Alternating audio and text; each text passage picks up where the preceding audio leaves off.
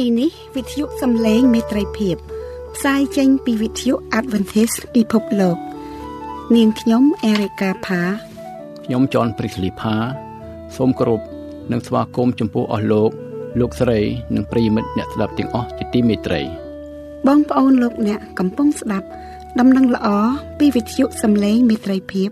ដែលផ្សាយចេញជាភាសាខ្មែរមួយថ្ងៃពីរលើកព្រឹកពីម៉ោង6 ដល់ម៉ោង6:30នាទី ពេលល្ងាចពីម៉ោង8ដល់ម៉ោង8:30នាទីយប់តាមរលកធាតុអាកាសខ្លី short wave 15150 kHz កម្ពស់19ម៉ែត្រ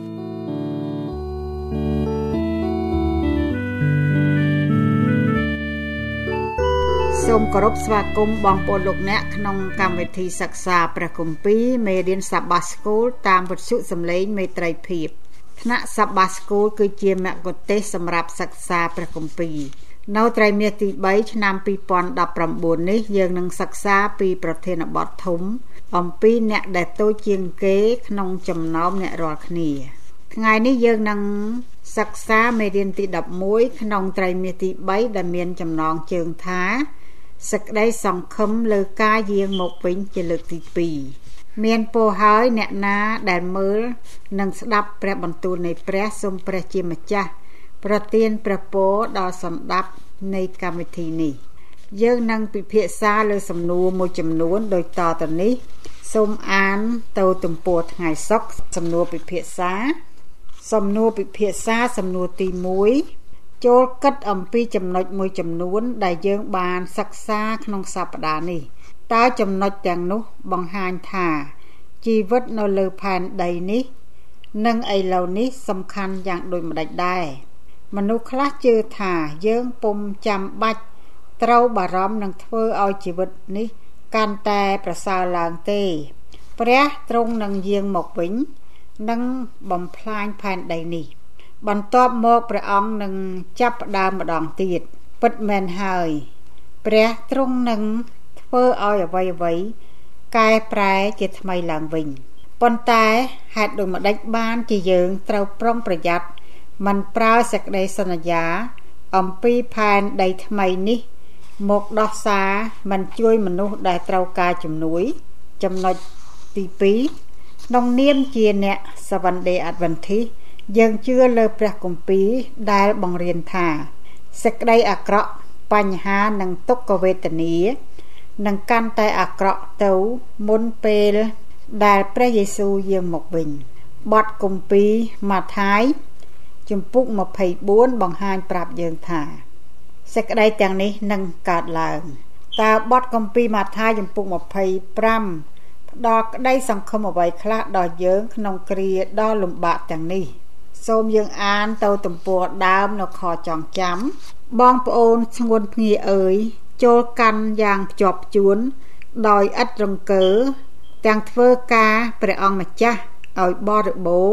ជាដរាបចុះដោយដឹងថា កាលដែលអ្នករាល់គ្នាខំប្រឹងធ្វើក្នុងព្រះអង្គម្ចាស់នោះមិនមែនអត់ប្រយោជន៍ទេ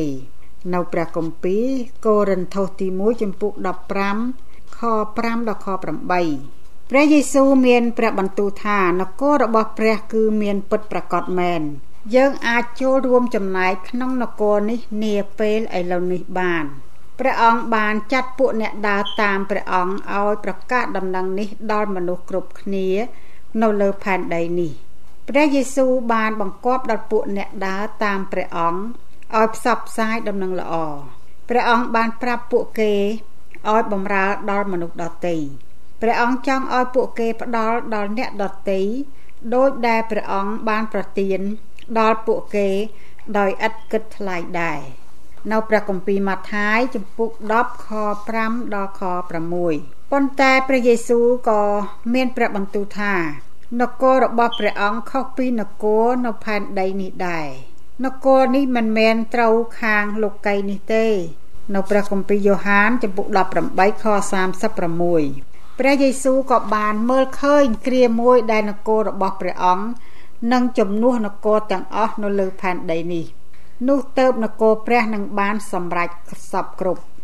ក្នុងនាមជាអ្នកសវណ្ដេអត្តវន្ធីយើងទន្ទឹងរង់ចាំនគរនេះមកដល់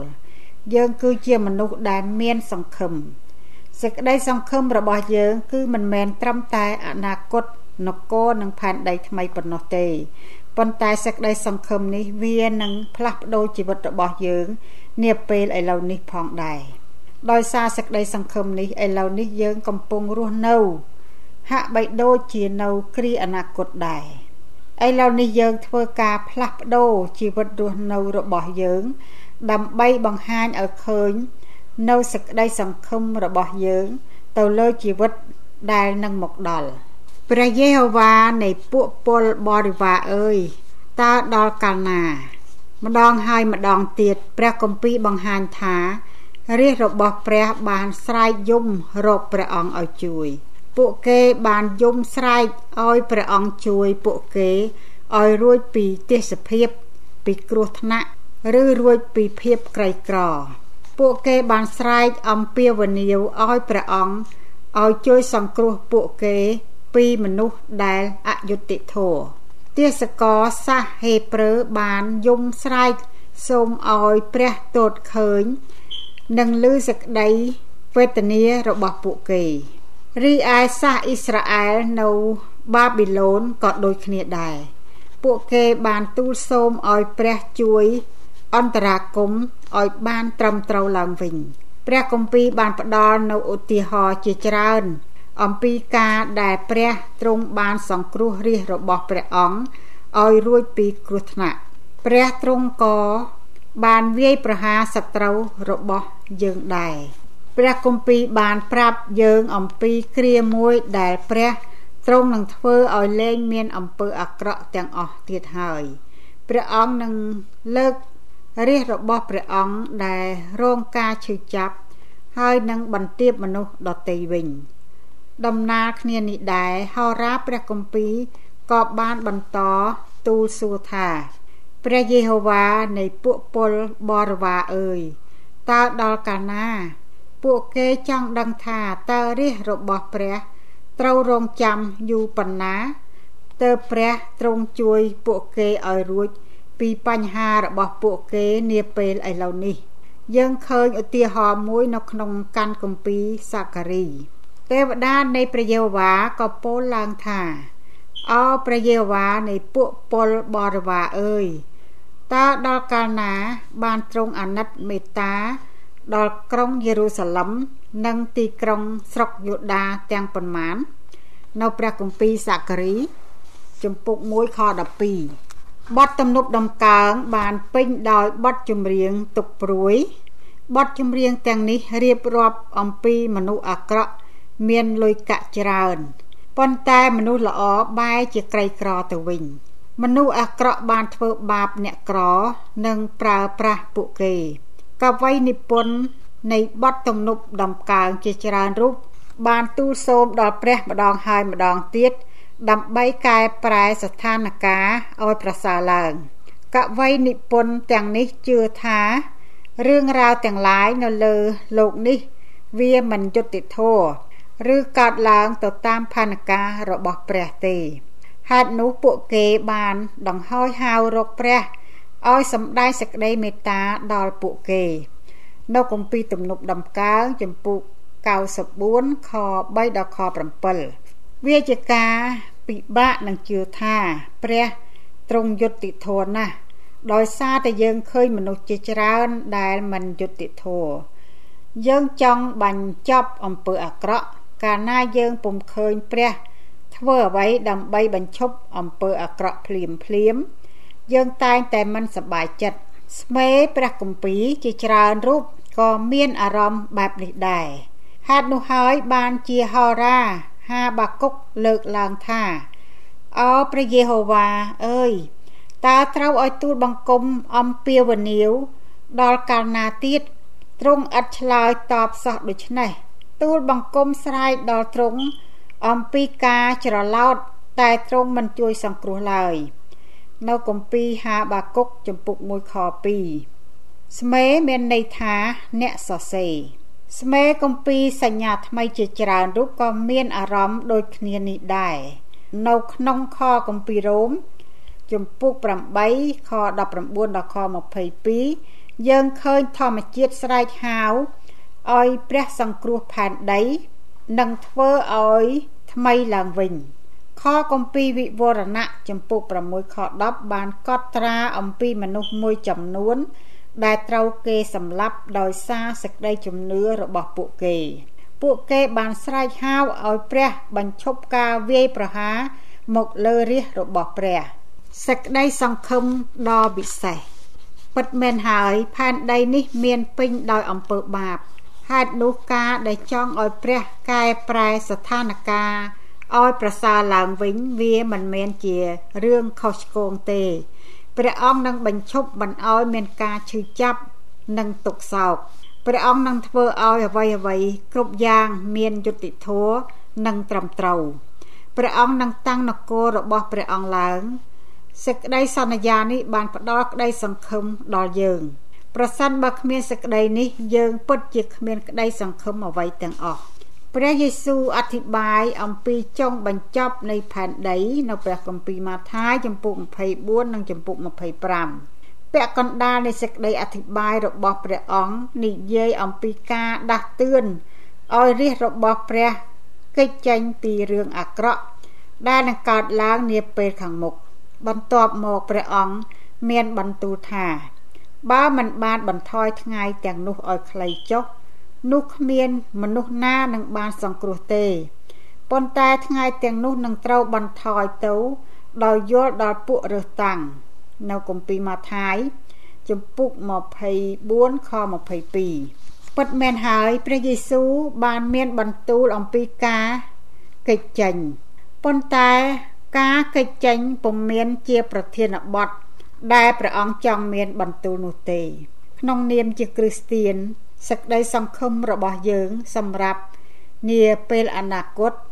ពុំមែនត្រឹមតែការកិច្ចចេញពីបញ្ហា ដែលកើតមានឡើងក្នុងជីវិតនេះប៉ុណ្ណោះនោះទេ សូមអានខគម្ពីរម៉ាថាយចំពុក24និងចំពុក25តើអ្វីខ្លះទៅដែលជាគោលគំនិតសំខាន់សំខាន់ ដែលលោកអ្នកឃើញក្នុងសេចក្តីអធិប្បាយរបស់ព្រះយេស៊ូវតើព្រះយេស៊ូវចង់ឲ្យយើងរស់នៅយ៉ាងដូចម្ដេចខណៈដែលយើងកំពុងរងចាំព្រះអង្គយាងមកវិញ អ្វីដែលយើងជឿអំពីអនាគតវាអាចផ្លាស់ប្ដូររបៀបរបបរស់នៅរបស់យើងនាពេលឥឡូវនេះបាន យើងតោងតែជឿទុកចិត្តលើសេចក្តីសន្យារបស់ព្រះ សេចក្តីសន្យាទាំងនេះនឹងជួយយើងឲ្យអាចជួយអ្នកដទៃទៀតឲ្យមានជីវិតប្រសើរឡើងដែរតើសេចក្តីសង្ឃឹមរបស់លោកអ្នកលើការយាងមកវិញលើកទី2របស់ព្រះយេស៊ូវផ្លាស់ប្ដូរជីវិតរបស់លោកអ្នកដោយម្ដេចខ្លះនាពេលឥឡូវនេះតើសេចក្តីសង្ឃឹមរបស់លោកអ្នកលើសេចក្តីសន្យានោះបណ្ដាលឲ្យលោកអ្នកចង់ជួយដល់អ្នកខ្វះខាតដែរឬទេប្រសិន បើមានមែនប្រសិនបើមែនតើត្រូវជួយយ៉ាងដូចម្ដេចដែរសេចក្តីសង្ឃឹមរបស់យើងថាព្រះទ្រង់នឹងប្រោះមនុស្សស្លាប់ឲ្យរស់ឡើងវិញក្នុងនាមគ្រីស្ទៀនយើងរងចាំការយាងមកវិញលើកទី2របស់ព្រះយេស៊ូវសេចក្តីសង្ឃឹមរបស់យើងគឺមិនមែនត្រឹមតែចង់បានអនាគតដែលប្រសើរឡើងប៉ុណ្ណោះទេ សម្រាប់ពួកគ្រីស្ទៀននៅគម្ពីរសញ្ញាថ្មី ការប្រោះមនុស្សស្លាប់ឲ្យរស់ឡើងវិញ របស់ព្រះយេស៊ូវគឺជាសេចក្តីសន្យាមួយព្រះអង្គបានរស់ពីការសុគតឡើងវិញហេតុនោះមានន័យថាព្រះអង្គនឹងយាងមកវិញម្ដងទៀតបន្ទាប់មកព្រះអង្គនឹងដកហូតយកអំពើបាបចេញជារៀងរហូតព្រះអង្គនឹងធ្វើឲ្យផែនដីនេះថ្មីឡើងវិញម្ដងទៀត នៅព្រះគម្ពីរកូរិនថូសទី1ចំពុក15ខ22និងខ23លោកប៉ុលយល់ថាការរស់ឡើងវិញរបស់ព្រះយេស៊ូវមានសារៈសំខាន់ខ្លាំងណាស់សម្រាប់គោលជំនឿរបស់គ្រីស្ទៀនលោកមានប្រសាសន៍ថាហើយបើព្រះគ្រិស្តមិនបានរស់ឡើងវិញមែននោះសេចក្តីជំនឿរបស់អ្នករាល់គ្នាក៏ជាការឥតអំពើ អ្នករាល់គ្នានៅក្នុងអំពើបាបនៅឡើយនៅព្រះគម្ពីរកូរិនថូសទី1ចំពុក15ខ17ចូលគិតអំពីពាក្យពេចន៍របស់លោកបន្តិចមើលតើការរស់ឡើងវិញរបស់ព្រះយេស៊ូវមានសារៈសំខាន់ចំពោះគោលជំនឿរបស់យើងប៉ុណ្ណាដែរពិតមែនគឺសំខាន់ខ្លាំងណាស់នោះហើយជាមូលហេតុនៃសេចក្តីសង្ឃឹមទាំងអស់របស់យើង សូមអានខគម្ពីរកូរិនថូសទី1ចំពុក15ខ12ដល់ខ19ដូចដែលដូចដូចដែលបានបង្ហាញនៅក្នុងខទាំងនេះហេតុដោយម្ដេចបានជាសេចក្តីពិត ស្ដីអំពីមនុស្សស្លាប់និងមនុស្សនិងមនុស្សរស់ឡើងវិញ មានសារៈសំខាន់ខ្លាំងម្ល៉េះចំពោះសេចក្តីសង្ឃឹមរបស់យើងដែលជាអ្នកគ្រីស្ទៀន ចុះប្រសិនមានអ្នកខ្លះសូមឲ្យលោកអ្នកពន្យល់អំសូមអានខគម្ពីរកូរិនថូសទី1ចំពុក15ខ12ដល់ខ19ដោយដែលបានបង្ហាញនៅក្នុងខទាំងនេះហេតុដោយម្ដេចបានជាសេចក្តីពិតដីអំពីមនុស្សស្លាប់និងរស់ឡើងវិញ មានសារៈសំខាន់ខ្លាំងម្ល៉េះចំពោះសេចក្តីសង្ឃឹមរបស់យើង ដែលជាអ្នកគ្រីស្ទៀនចុះប្រសិនបើមានអ្នកខ្លះ សូមឲ្យលោកអ្នកពន្យល់អំពីគោលជំនឿនេះ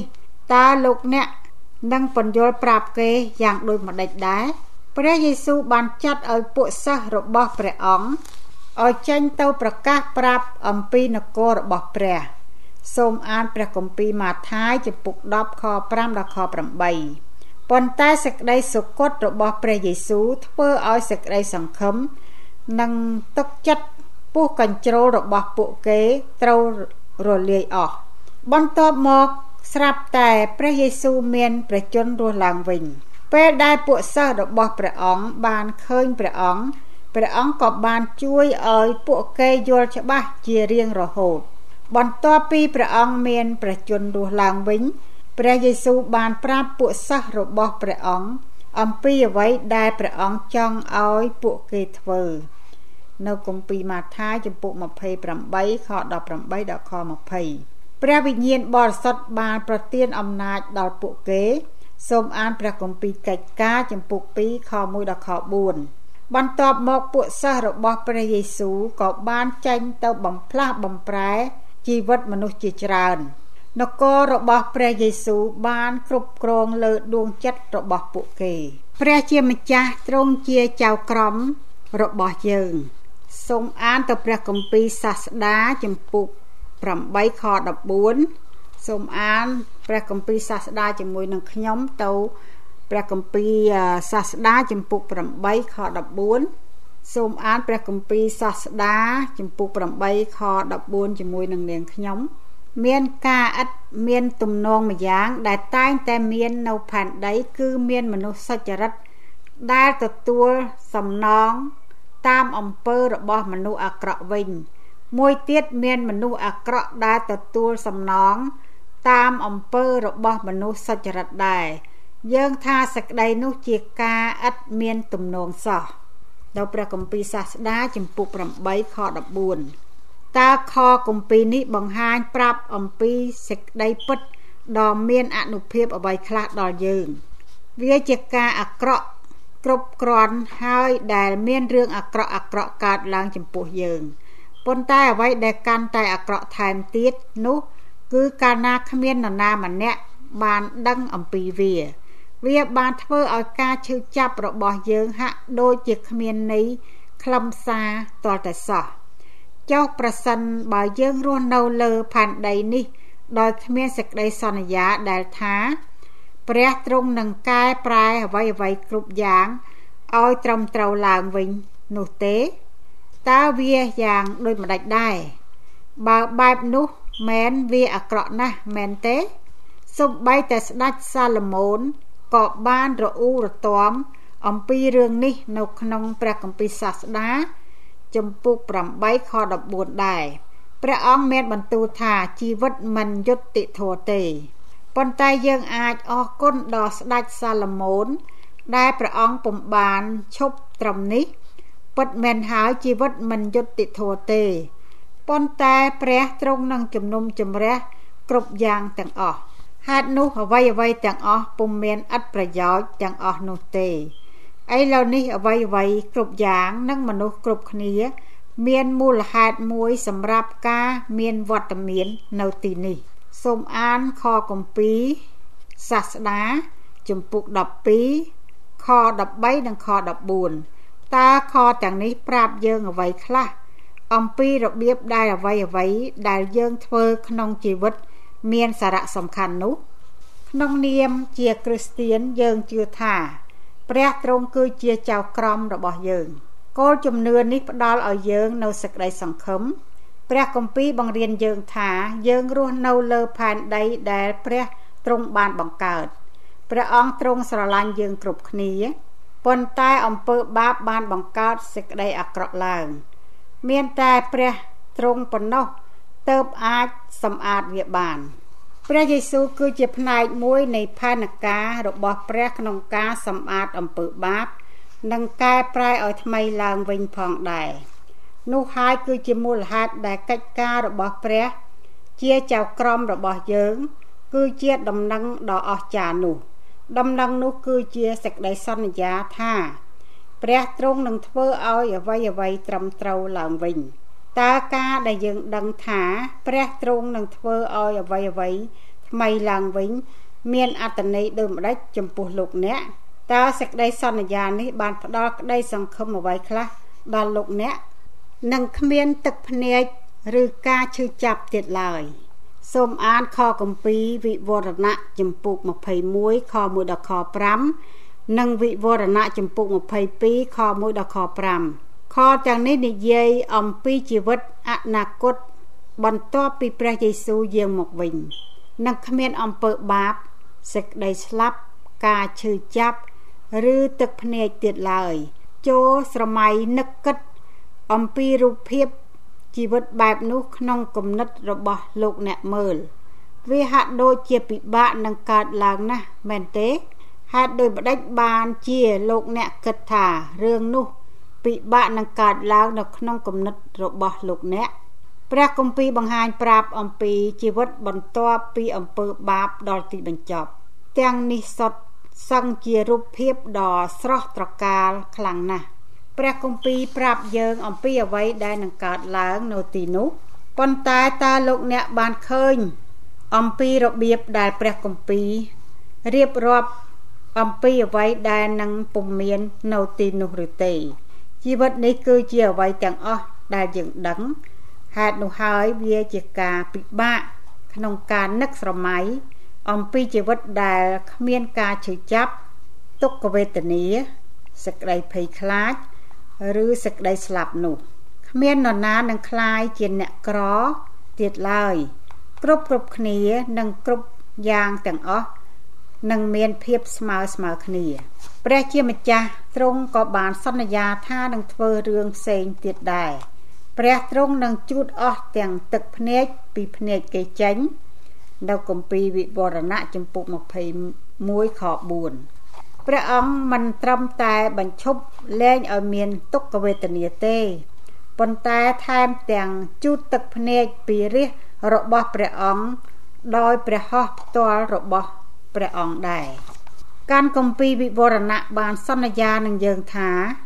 ព្រះទ្រង់នឹងព្យាបាលមនុស្សគ្រប់គ្នា ដែលបានរងគ្រោះដោយអំពើបាបព្រះទ្រង់នឹងប្រើស្លឹកពីដើមជីវិតដើម្បីព្យាបាលយើង លោកយ៉ូហានបានបញ្យល់ថា ស្លឹកឈើនោះក៏សម្រាប់នឹងមើលអស់ទាំងសះឲ្យជា នៅព្រះគម្ពីរវិវរណៈចំពុក22ខ2អំណោយទាននេះបង្ហាញប្រាប់យើងអំពីសេចក្តីស្រឡាញ់របស់ព្រះ ចំពោះមនុស្សលោកព្រះអង្គបានយកប្រតិទុកដាក់ចំពោះទុក្ខវេទនារបស់យើងផែនការរបស់ព្រះអង្គសម្រាប់ផែនដីថ្មី គឺមាន រាប់បញ្ចូលទាំងការព្យាបាលនិងការកែប្រែជាថ្មីឡើងវិញផងចាប់ពីពេលនោះតទៅយើងគួរតែចង់ឲ្យព្រះយេស៊ូវឆ្នៃយើងឲ្យคล้ายជាមនុស្សដែលប្រសើរបំផុត យើងតោងតែបំពេញចំណែកកិច្ចការរបស់យើង ដើម្បីជួយមនុស្សដែលនៅជុំវិញយើង ដែលកំពុងត្រូវការជំនួយពីយើងតើយើងត្រូវឲ្យអ្វីទៅពួកគេ ប្រហែលជាពាក្យល្អល្អឬជាអាហារឬជាថ្នាំពេទ្យឬជាសម្លៀកបំពាក់ឬជាស្នាដៃដែលជួយដោយផ្ទាល់ឬក៏ជាអវាទក៏ថាបាន អ្វីក៏ដោយដែលយើងអាចធ្វើបាន យើងគួរតែធ្វើវា ដោយសេចក្តីស្រឡាញ់ដោយដែលព្រះយេស៊ូវបានបង្ហាញ កាលដែលព្រះអង្គគង់នៅផែនដីនេះពិតមែនហើយជីវិតនៅលើផែនដីនេះ មានតែអាក្រក់ទៅអាក្រក់ទៅតែប៉ុណ្ណោះព្រះយេស៊ូវទ្រង់ជ្រាបពីរឿងនោះហើយប៉ុន្តែរឿងនោះពុំបានរារាំងព្រះអង្គមិនឲ្យជួយដល់មនុស្សដទៃឡើយ ហើយវាក៏ពុំគួររារាំងយើង មិនឲ្យជួយដល់អ្នកដទៃដូចគ្នាដែរខ្ញុំសូមធ្វើការសន្និដ្ឋានពីការសិក្សាបន្ថែមដូចតទៅនេះ សង្គ្រាមពិភពលោករវាងព្រះនិងសាតាំងត្រូវបានដល់ទីបញ្ចប់ អំពើបាបនិងមនុស្សមានបាបលែងមានទៀតហើយឋានសួគ៌និងផែនដីថ្មីក៏បានស្អាតសេចក្តីសុខសាន្តនិងអំណរគឺមានគ្រប់ទីកន្លែង ជីវិតពន្លឺនិងសេចក្តីអំណរហូរចេញពីព្រះអង្គម្ចាស់ទៅកាន់លំហដ៏ជ្រៅបំផុត និងទៅកាន់អាតូមតូចបំផុត ឬផ្នែកនៃវត្ថុមានជីវិតអ្វីអ្វីគ្រប់យ៉ាងគឺសុទ្ធតែស្រស់បំប្រងទាំងអស់គ្រប់យ៉ាងដែលព្រះទ្រង់បានបង្កើតមកបន្លឺឡើងថាទ្រង់គឺជាសេចក្តីស្រឡាញ់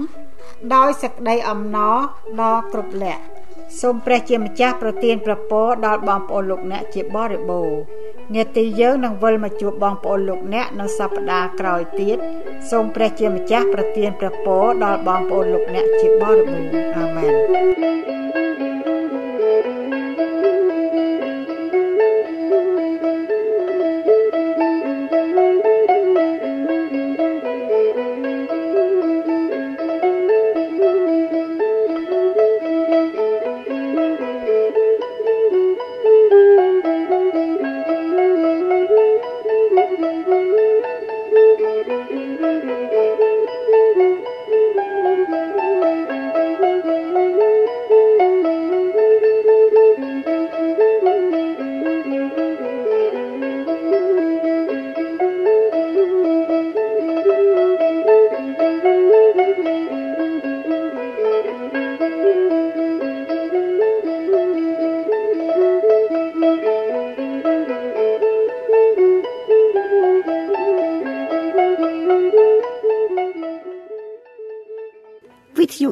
សូមថ្លែងអំណរគុណដល់បងប្អូនលោកអ្នក ដែលបានយកចិត្តទុកដាក់ស្ដាប់កម្មវិធីយើងខ្ញុំនៅថ្ងៃនេះសូមព្រះជាម្ចាស់ប្រទានព្រះពរជាបរិបូរណ៍